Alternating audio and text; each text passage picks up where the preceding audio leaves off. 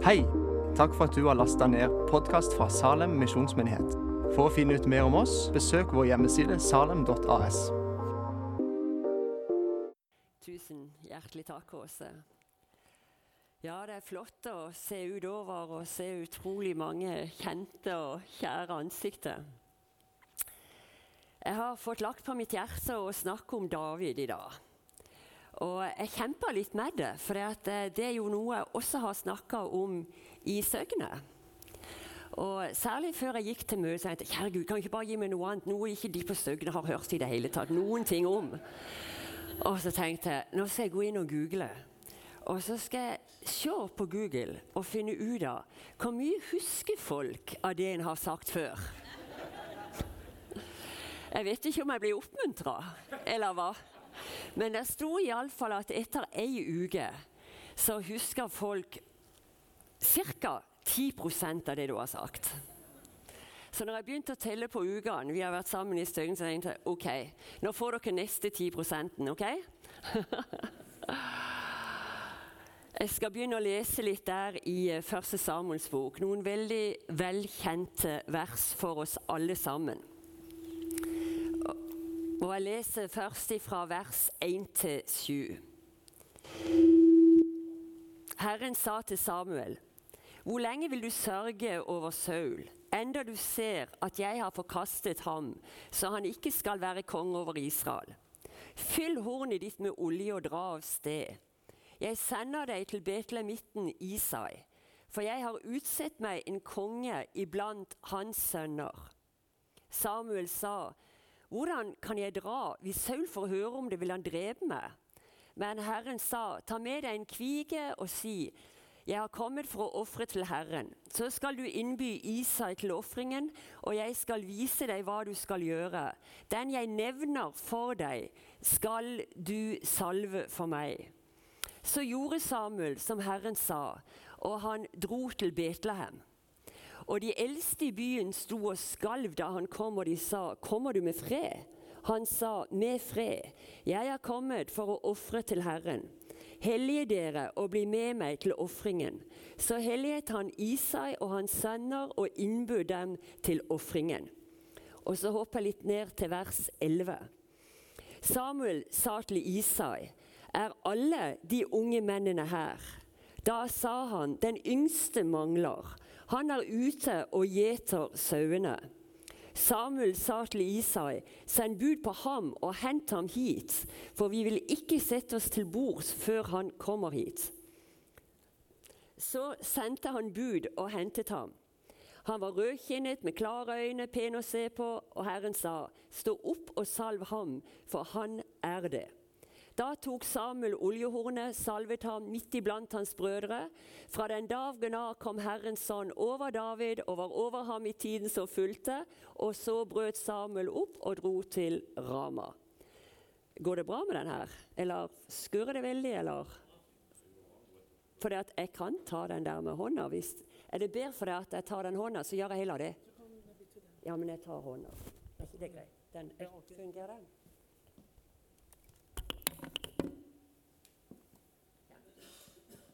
Nesten så jeg hørte meg sjøl lespe her. Så tenkte jeg Vet du David? Hva skal han få?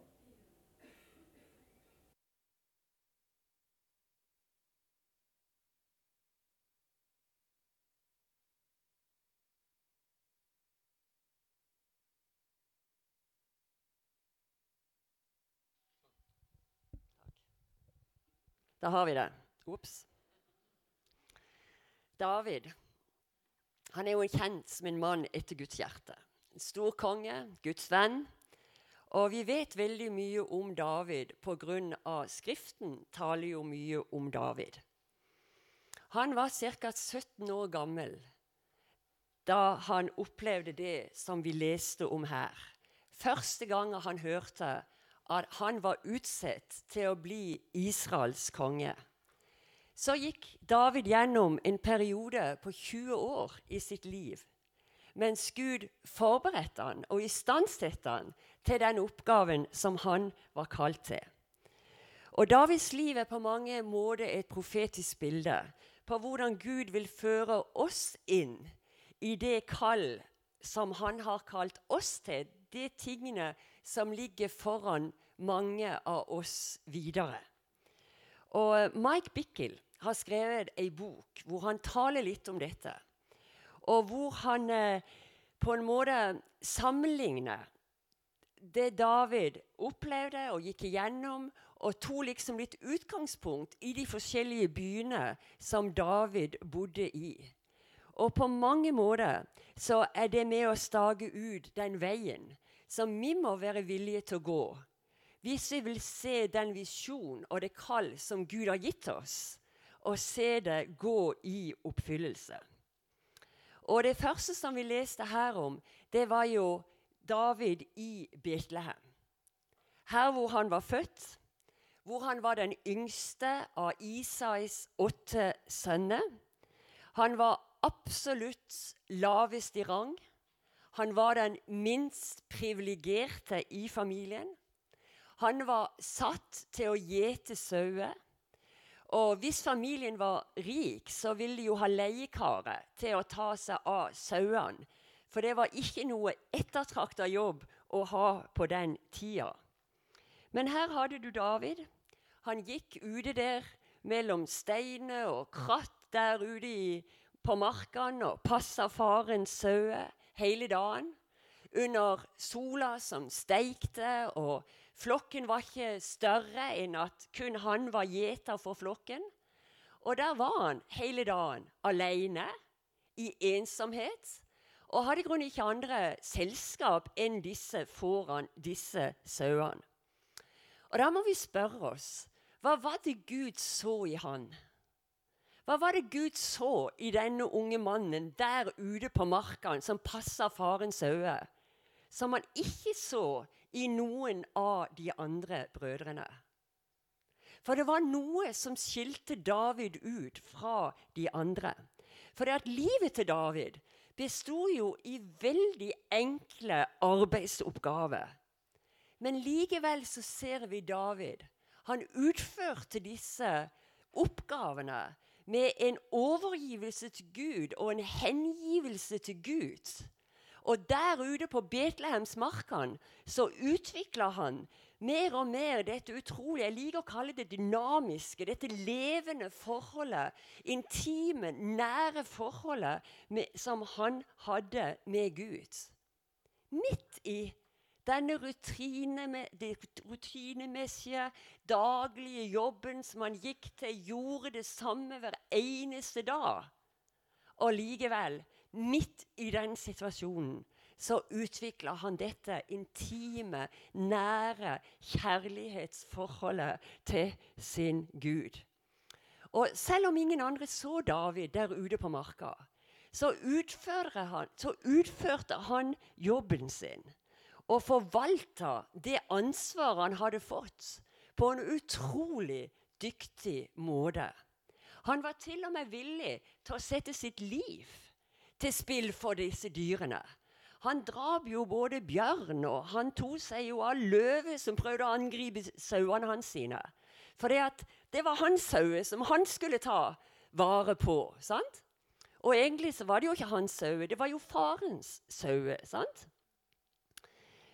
Det står i Ordspråket kapittel 20 vers 6 Mange mennesker roper høyt, hver om sin kjærlighet. Men hvem finner vel en trofast mann? Hvem finner vel en trofast kvinne? Hvem er til å stole på når ingen andre ser oss, når ingen andre ser hva vi gjør? Og Jeg kan huske tilbake i 1981. Da gikk jeg på min første bibelskole i Sveits. Og da var det et tidspunkt hvor Gud virkelig lærte meg noe om disse tingene og understrekte de for meg. Vi hadde hatt ei uke undervisning om gudsfrykt. Lære å elske det Gud elsker, hate det Gud elsker, frykte Herren og adlyde Han i alle ting og leve våre liv for Han. Og så på slutten av uka så var det liksom et kall til å reise oss opp, vi som ønsker å være menn og kvinner som frykter Gud. Og jeg sto der oppe sammen med alle andre. Og så var uka over. Det hadde vært ei veldig intens uke. Veldig mye undervisning, veldig mye bekjennelse av synd, veldig mye ransakelse. Og du kjente åh, nå er uka over. sant? Men så hadde jeg denne arbeidsoppgaven. Du vet, I UiO vet du, i Vajøen, så har du disse arbeidsoppgavene som skulle gjøres. Og jeg hadde jo en veldig grei oppgave. og Siden jeg er sykepleier, så hadde jeg liksom litt ansvaret for liksom helsa til de andre. At hadde de noen problemer, så skulle de komme og prate med meg. Pluss det var en sauna på det TUIO-senteret, hvor det også var et toalett. Og meg og ei Anne vi hadde ansvar for at en gang i uka så skulle hver av oss gå ned og gjøre dette rent. Og fredagen var kommet, undervisninga ferdig, og jeg visste at jeg ennå ikke hadde gjort rent nede på det der toalettet og nede i den saunaen. Og jeg hadde ikke samvittighet til å bare liksom ikke gå ned. For kanskje noen ville spørre meg har du gjort det, Solfrid. Hallo. Så jeg gikk ned der. Men jeg hadde denne filla veldig sånn rask over det hele. Sånn at hvis noen spurte, så kunne jeg iallfall si at jeg hadde gjort det. Og mens jeg holdt på der, så kjente jeg bare Guds bong. Du vet når han taler. Bong, sant? Så var det liksom Solfrid, hvem gjør du dette for? Og så husker jeg skriftstedet. Alt det du gjør, gjør det som for Herren. Du, jeg skal si deg det. Jeg vaska det toalettet som om kongenes konge skulle komme og sette seg ned der. Og det er så utrolig viktig for oss å vite at uh, vårt forhold til Jesus, vår relasjon med han, det har innflytelse på alt det vi gjør. Og på alt det vi er. På dagligdagen, på de rutinemessige, enkle tingene. Når ingen andre ser oss, hvem er vi da? David var helhjerta i sitt forhold til Gud. Og alt det han gjorde, det gjorde han som for Herren. Og det var der, i Betlehem, at David mottok sitt kall til å bli konge.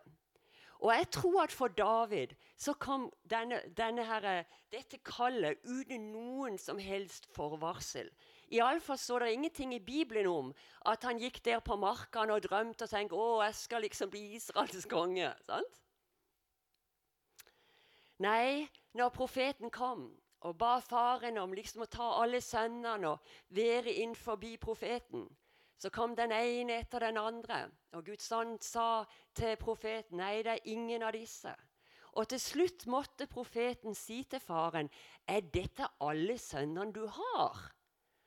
Og så sier far nei, det, det er den yngste, da. Og jeg har slått opp på hebraisk det der, det der ordet 'den yngste'. Det betyr også den ubetydelige. Det betyr også den uviktige. Så faren sa ja, ja, altså, den der den uvesentlig uviktige, den der unggutten der ute på altså, Han regner vi jo ikke med.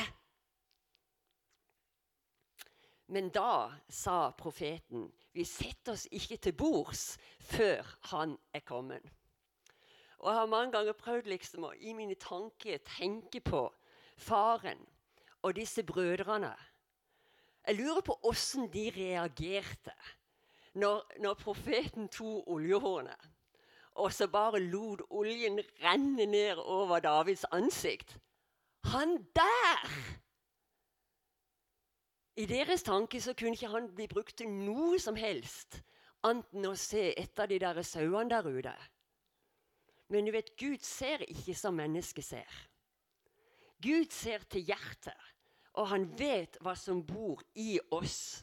Og det som mennesket regner for ingenting, det kan være noe som er stort i Guds øyne. Kanskje du har opplevd å få et profetisk ord. Kanskje du har opplevd å få en visjon fra Herren.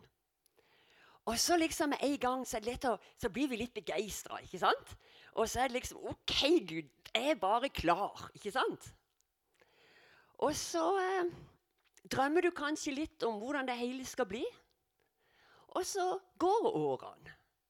Så går liksom det ene året etter det andre. Og så tenker du Hva blir det av? Og blir det egentlig av? Kanskje du begynner å tvile. Er det, er det Gud som talte, eller var det bare mine egne tanker? Eller var det liksom ikke fra Gud, det som ble talt over meg? Eller forstår ikke de der lederne i menigheten hva jeg er god for? Hvorfor slipper jeg ikke til? Eller kanskje du tenker jo, jo, jeg hadde jo noen ting der i ungdomsårene, men nå begynner jeg jo å trekke på årene. og Nå begynner jeg liksom å bli litt eldre, så Nei, det, nå er det jo de unges tid. Hallo? Gud ser ikke helt som menneskene ser, sant? David var 17 år den gangen han fikk kallet. Og eh, han ble konge da han var 37. Og eh, Det står i Salme 78 Jeg tror jeg skal ta tida til å lese den nå. altså. Som forteller litt om hvordan David var der ute på marka. I Salme 78 så står det der i vers 70-72.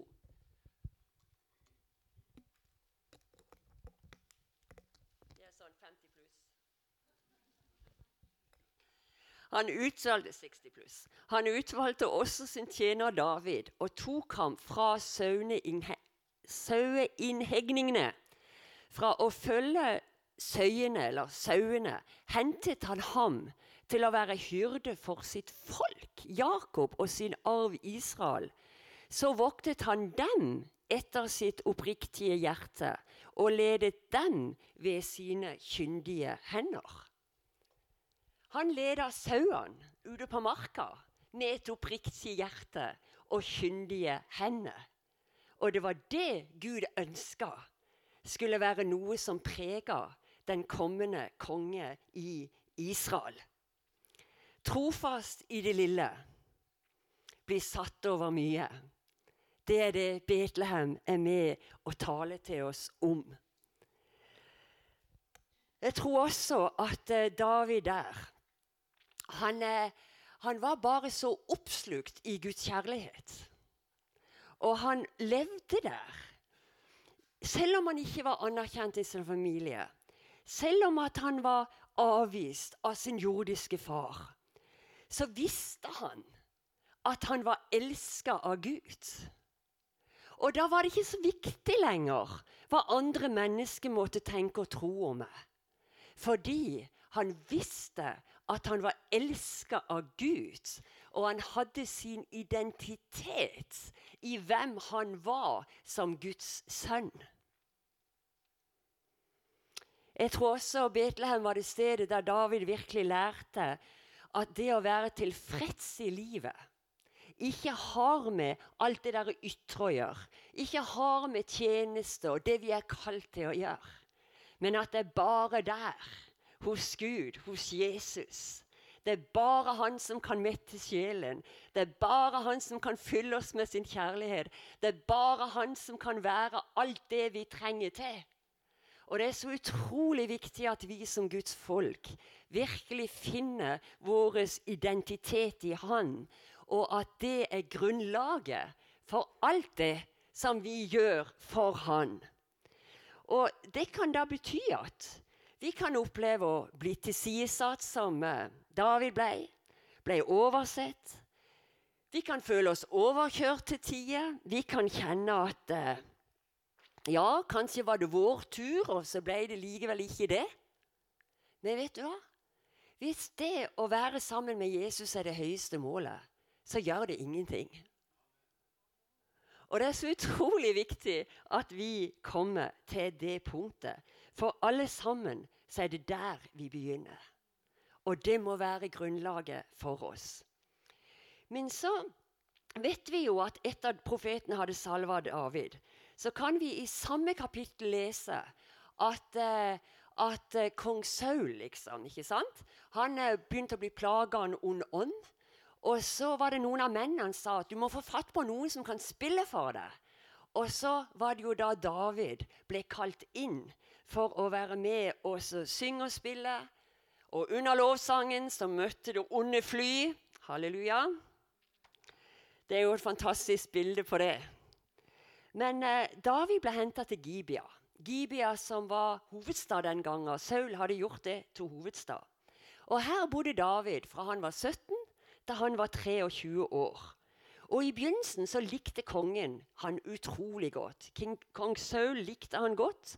Hele folket likte han godt. Han, hadde, han var jo den som befridde dem fra Goliat. Så folk beundra David. Og 'Å, David! Så fantastisk David er!' ikke sant? Og på en måte så fikk David smaken på, en liten smak på dette som hadde litt sånn jordisk suksess, om du vil. Ting lyktes for han. Og, og på en måte så um, På den ene dagen så hadde han jo passa foran. Den neste dagen bodde han jo i palasset, ikke sant? med kongens palass. og Han var blitt forfremma til å bli våpensvein til kongen, og seinere så leda han hæren for kongen. Og det var jo en trolig overgang, plutselig overgang i hans sitt liv. Og det var som om midt i alle denne medgangen at Gud liksom ville teste tjenersinnet sitt. Ville teste kjærligheten, Satan. Og noen ganger så kan vi oppleve det. At uh, når det lykkes for oss, er vi den samme som vi var den gangen ute på marka, når ingen så oss og ingen visste hvem vi var. Ville vi fortsette å ha vår identitet i Gud? Eller vil vi bli så opptatt av menneskets beundring at det begynte å prege oss i en negativ retning? Fordi at velsignelse kan sette oss på en annen type prøve enn det som motgang gjør. Mange mister bakkekontakten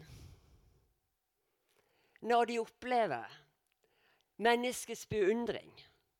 Eller mennesket ser til deg. Mennesket tror at du er svaret på alt det de trenger, liksom. Det er bare Jesus som er svaret på alt det vi trenger. Men mennesker har en tendens til å ville opphøye enkeltpersoner.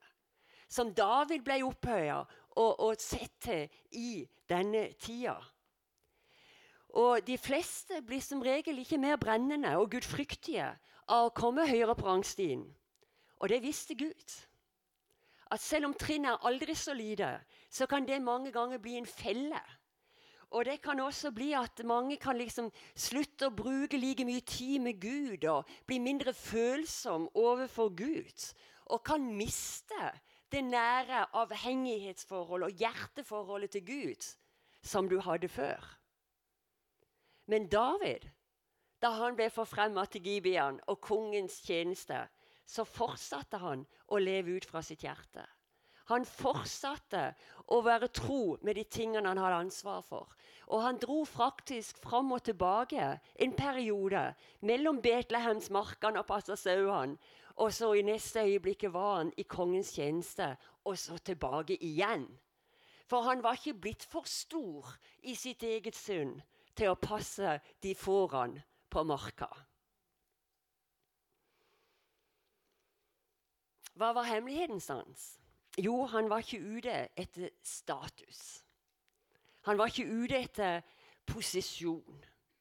Han følte seg anerkjent og betydningsfull nok i å vite at han var elska av Gud.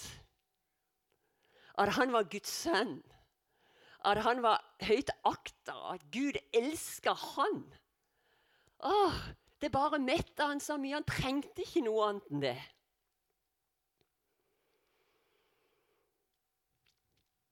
Noen ganger kan vi oppleve at vi kan lykkes til en viss grad i begynnelsen av den tjenesten Gud har satt oss til. Begynne å få smaken på noe av det som hjertet bare lengter etter oss å se mer av. Og kanskje den lille smaken er det som måtte til for å utruste deg til de ørkenårene som kanskje ble liggende foran deg. Fordi at eh, For David så endra livet sitt ganske dramatisk. Og sånn kan vi også oppleve i vår vandring med Gud. At eh, kanskje det er ting som skjer som gjør at du går inn i en annen posisjon. Og så opplever du at folk som liksom blir tiltrukken til deg pga. den posisjonen du hadde, ikke lenger kom og spør deg om råd. Ikke lenger er dine venner. Og så går det kanskje opp for deg at eh, det var jo egentlig ikke det de var så interessert i, men det var liksom litt av de der posisjonene du hadde. Livet kan veksle mellom medgang og motgang. Mellom å oppleve heder og oppleve vanskeligheter. Men når vi lærer oss å støtte oss til Herren når alt går bra, så vet vi også hvordan vi kan finne Han når ting går oss imot, og vi opplever at ting går oss imot. Vet du hva, Denne guddommelige treningsmodellen den ser vi jo i Bibelen. Vi ser det jo i Moses sitt liv. Moses som var født. ikke sant? Vi vet jo hvordan han var født. og lagt i denne korga på Nilen, men vokser jo opp i Egypts rikdom, ikke sant? Da han var 40 år. Og så bong, ut i ørkenen. Og der ble han òg bortimot 40 år. Inntil han var klar til å bli verdens største leder. og lede Israels folk. Og det var en ganske annen Moses som kom ut av den ørkenen, enn den Moses som gikk inn i den ørkenen. Vi har det samme med Josef. Vi vet jo også Josef fikk oppleve opptur og nedturer som skrøt av disse visjonene han hadde hatt om solen og månen, og alle skulle liksom bøye seg foran, ikke sant? Ja Det var noen fengselsopphold som møtte han. han. Og så ble han jo eh, leder for hele Egypts, eller Potifars hus, og posisjoner og ære. Og så i neste øyeblikk ser han i det mørkeste fangehull. Uten å ha gjort en eneste ting galt. Men der var han. Og hva gjorde han? Han fortsatte å tjene. Fortsatte å handle rett. Fortsatte å gjøre det som han visste var rett innenfor sin Gud.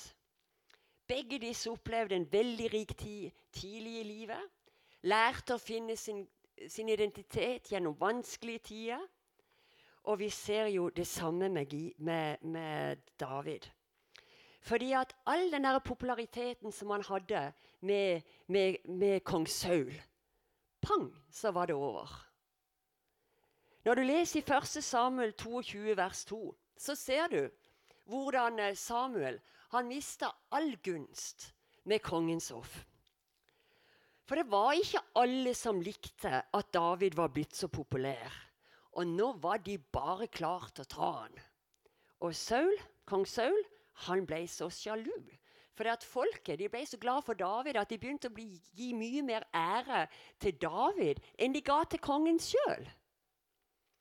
Og Derfor sendte kongen 3000 menn ut etter han for å ta han. Vet du hva? Sjalusi er en styggedom som ikke vil ha, vi vil ha noe i Guds menighet. For det at eh, sjalusi En av de grunnene til at det kan utvikle seg, det er jo nettopp fordi at hvis mennesket ikke har sin identitet i Gud, så blir det liksom vanskelig å glede seg over at det går andre vel. Og så er det utrolig hva sjalusi kan føre en til å gjøre. Og ødeleggende det kan være i Guds rike. Mange ganger så syns folk det er vanskelig når vi ser at eh, mennesker som vi synes ikke fortjener det, blir forfremma eller velsigna på en eller annen måte. Og Da er det tid til å bringe hjertet sine innenfor Herren og velsigne og glede oss over det Gud gjør i andre menneskers liv. Og heie hverandre fram istedenfor å møte hverandre med sjalusi og prøve å rive hverandre ned. David, etter å ha vært i, i kongens hoff, plutselig så finner han seg ute i ørkenen, i ei hule som heter Adullam. For han måtte flykte. For sjalusien gjorde til at kongen prøvde å ta livet av David. Og plutselig så var han der ute på flukt. Han var misforstått. Han var løya om. Han var gjenstand for utrolig mye negativ kritikk som ikke hadde rot i virkeligheten. Han ble tillagt motiver og handlinger og holdninger som han slett ikke hadde. Og må han ha følt? Forvirra?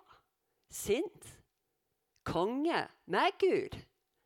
Er det noe du ikke har fått med deg, Gud? Du sa jeg skulle bli konge. Og der er han. Flykter for sitt eget liv. Og den mørke hula der i ødemarka, det ble det nye oppholdsstedet hans sitt for en tid. 400 menn samla seg omkring han.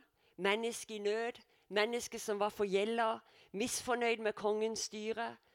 Og i sju år så flakka de og familiene rundt omkring i ødemarka.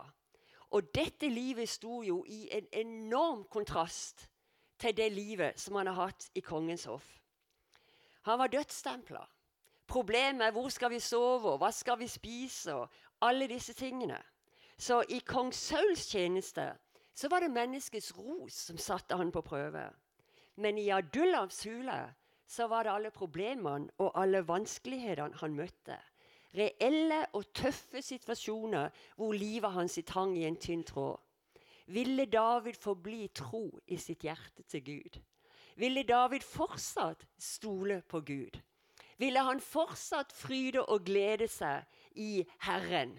Midt i den vanskelige tida, hvor han sikkert ikke skjønte så veldig mye av hva som foregikk, og heller ikke visste hvor lenge dette ville vare.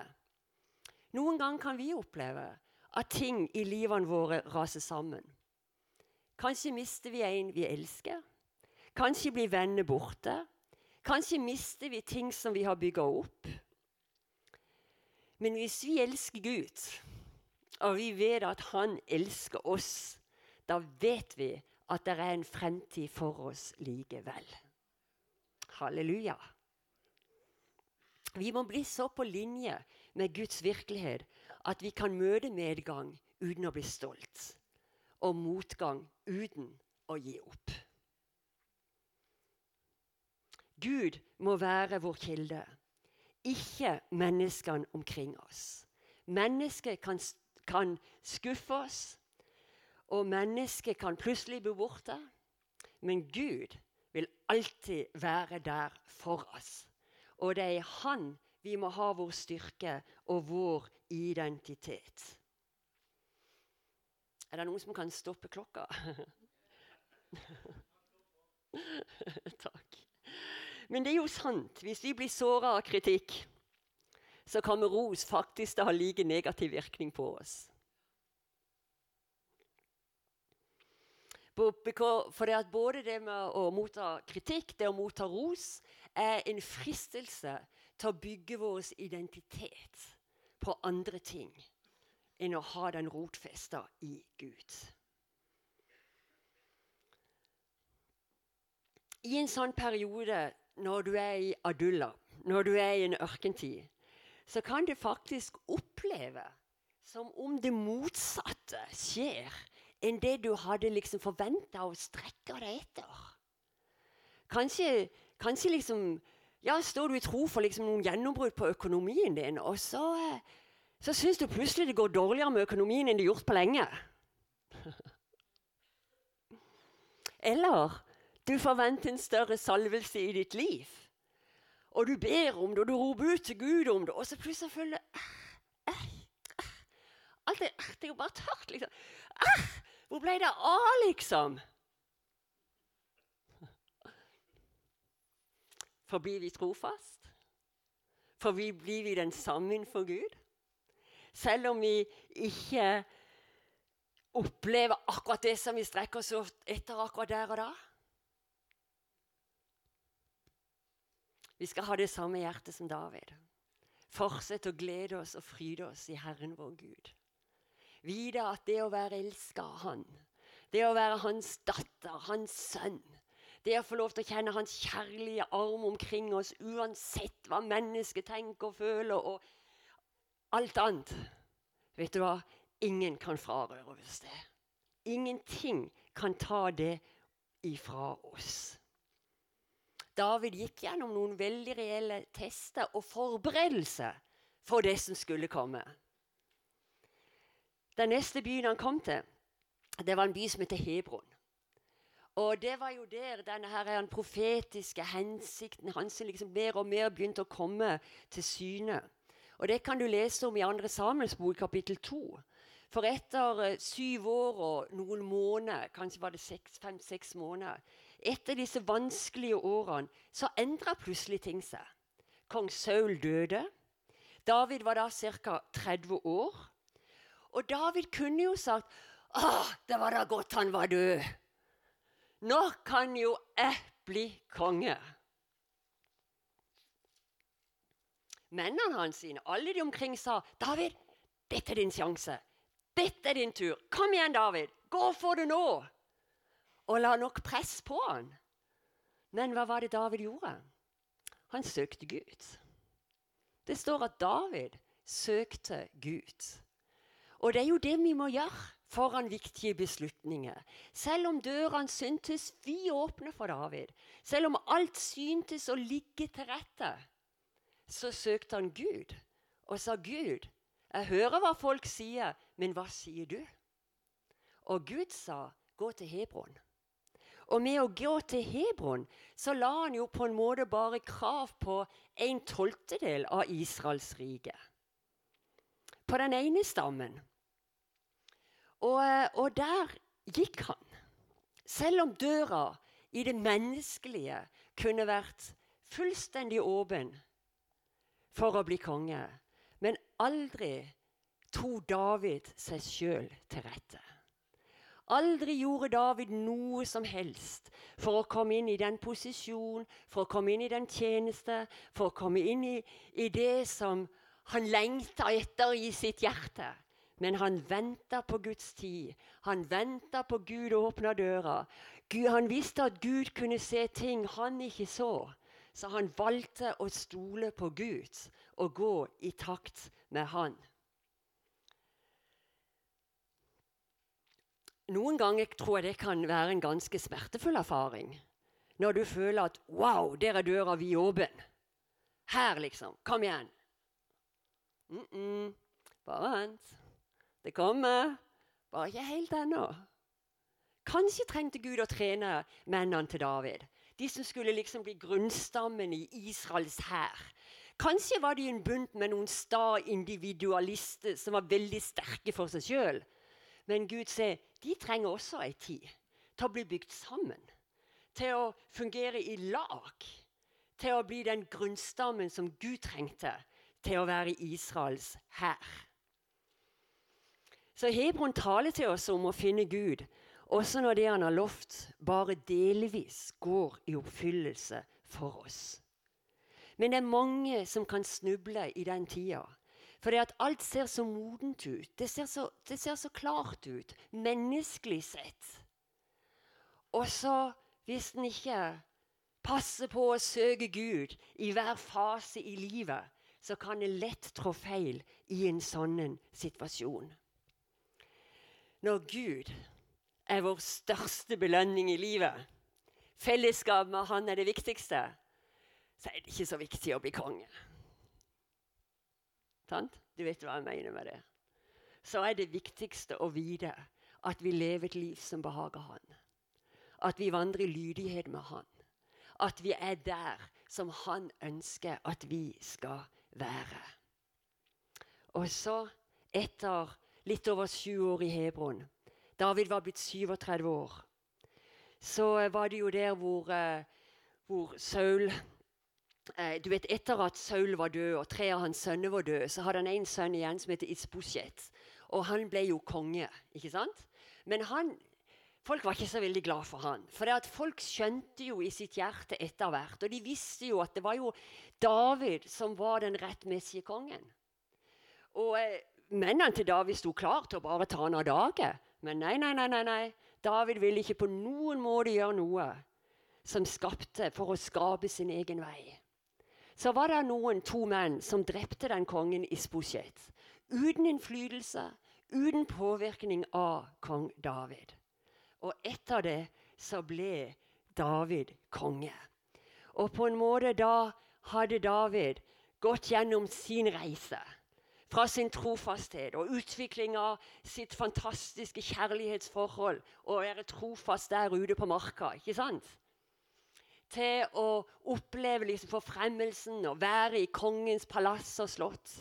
Til plutselig å bli forfulgt og ikke liksom etterjaga for sitt liv, liksom, og flykte og sammen med alle andre som ja, får gjeld og problem, men altså, skikkelig problemer som han ble leder for. ikke sant?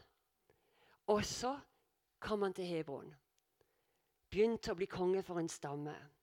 Og så kom han inn i det som Gud hadde forutsett han. Og vet du hva? Det er ingenting som kan erstatte den trygghet vi opplever når vi kommer inn i det Gud har kalt oss til. I Guds tid og på hans måte. David visste at det var Gud som hadde innsatt han i den posisjonen. Og han hadde ikke tatt snarveier. Han hadde ikke gjort noen ting i egen kraft for å prøve å fullføre eller oppfylle sjøl det som Gud hadde foran. Men han hadde søkt Gud. Han hadde vært innenfor Gud. Han hadde vært avhengig av Gud. Han hadde vært i Guds nærhet. Der fant han sin glede, sin trygghet, sin trøst når alt gikk han imot. Han levde i Guds nærhet og stolte på Gud. Og En annen ting som David også visste, det var at eh, Gud hadde ikke gjort han til konge for at Gud liksom ville velsigne og belønne David. Nei, det står i 2. Samuel 5,12. David skjønte at Herren hadde stadfesta hans kongedømme over Israel og løftet hans kongevelde høyt for sitt folk Israels skyld. Ikke for Davids skyld. Ikke for at han skulle bli rik og berømt og ansett og beundra. Nei, for folkets skyld. Gud elsker folket. Og Gud så etter en leder som kunne lede sitt folk med kyndige hender og oppriktig hjerte. Og han fant David, og han trente David for jobben. Uansett hva Gud kaller oss til i forhold til tjeneste, i forhold til å virke for Herren, så dreier seg alltid om å tjene Guds hensikter. Om å tjene Hans vilje, Hans hensikter. Og ikke et sted for å leve ut egne ambisjoner, men å tjene Han. Mange har en forestilling at uh, når han kommer til Sion og kommet inn og begynt i tjenesten, oh, så skal liksom alt bli så lett og enkelt. Spør Geir om det er sant.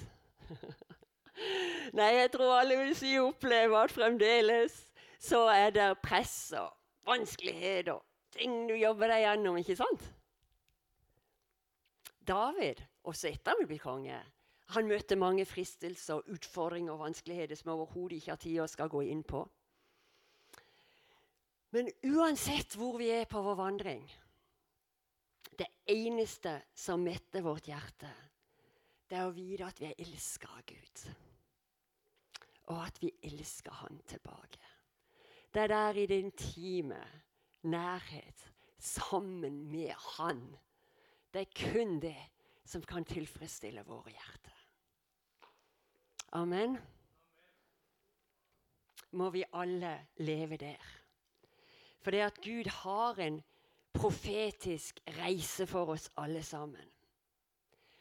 Og kanskje du føler at eh, Jo, jeg hadde noen drømmer, hadde noen visjoner, men det ble liksom ikke noe av. Vet du hva? Det er et guddommelig mønster i alle våres liv. Og selv om vi kanskje har gått litt feil, selv om vi kanskje har liksom rota vekk noen år, så har ikke Gud forandra sitt kall og sin utvelgelse. Men vi kan komme tilbake til han og si, 'Gud, tilgi meg.' Men fra i dag av så vil jeg bare gå helt med deg. Jeg vil bare overgi meg til deg på nytt. Jeg vil bare innvie meg, Gud, for jeg vil være en del av det du gjør i dette landet i dag. Jeg vil være med og se frel folk frelst i hopetall i Norge i dag. Jeg vil være med og se gjennombrudd av din ånd og din kraft til frihet og legedom og gjenopprettelse av mennesket. Gud, jeg vil være en tjener for ditt folk. Gud ser etter mennesket som er villig til å sette han først, og som vil leve helt og fullt for han. Og ha sin trygghet og ha sin identitet i han. Kanskje tenker du ja, men nå er jeg jo blitt så gammel. Vet du hva, Jeg vet ikke om det er dårlige nyheter for deg, men jeg kan ikke finne i Bibelen at det er et, en alder som sier at nå er du pensjonist. Amen.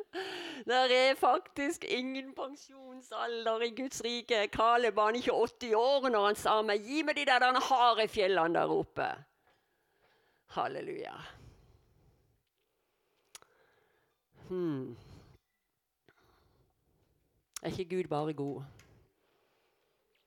Kanskje er du her i dag som eh, ikke kjenner Jesus. Kanskje har Jesus Kanskje du aldri har kjent ham. Du har liksom aldri tatt den avgjørelsen hvor du sier at eh, Jesus, jeg, jeg vil legge ned alt mitt eget. Jeg vil at du skal få førsteplassen i mitt liv. Jeg vil at du skal være min herre. Og kanskje trenger du også å si jeg vil du skal være min frelser. Og bekjenne din synd og din uavhengighet av Han. Men jeg følte virkelig når jeg forberedte meg bare for møen, innvielse. Innvielse. At Gud kaller noen til en dypere innvielse for Herren i dag. Hvor alt dette andre ikke lenger er så viktig.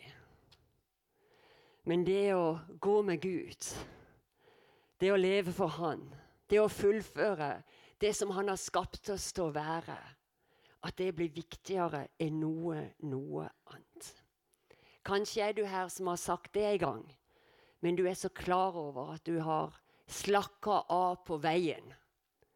Kanskje er det i dag at du på nytt skal si til Gud jeg vil gå hele veien med det. Så følte jeg også at det var andre som kanskje opplever en ørkentid nå som kanskje er akkurat der hvor du ikke helt ser veien videre, og du lurer på hva er det egentlig som skjer, så tror jeg Gud ønsker å møte deg der. Og Gud ønsker å røre med deg i dag. Andre står innenfor noen nye skritt. Du er ferdig med en fase, og du er klar for neste. Og hvis du ønsker det, og du vet det i ditt hjerte, så ønsker vi også å være med og be for deg i dag. Og vi skal gå inn i ei stund hvor vi skal be lovsangsteamet komme opp. For det at eh, vi ønsker at eh, du som er her, og du ønsker å bli bedt for, også med andre ting enn det jeg har nevnt. Det kan være for sykdom, det kan være ting du går igjennom livet. Så vet vi at Jesus er her, og han ønsker å møte deg. Kanskje vi alle sammen kunne stå opp. Og Erling hadde et kunnskapsord. Var det venstre eller høyre skulder? Venstre skulder. Hvis det er noen som har et problem med venstre skulder, så skal du også få lov til å komme fram, og så vil vi be for deg. Jeg kjente også at det var, det var noen som hadde problemer med hjertet, og det hang sammen med at uh, den ene sida av hjertet var litt forstørra, som, uh, som ga deg problemer. Vi ønsker å be for deg. Og vi ønsker å be for hva det måtte være du har i ditt hjerte at du ønsker forbønn for. Så kan vi ikke bare stå opp alle sammen.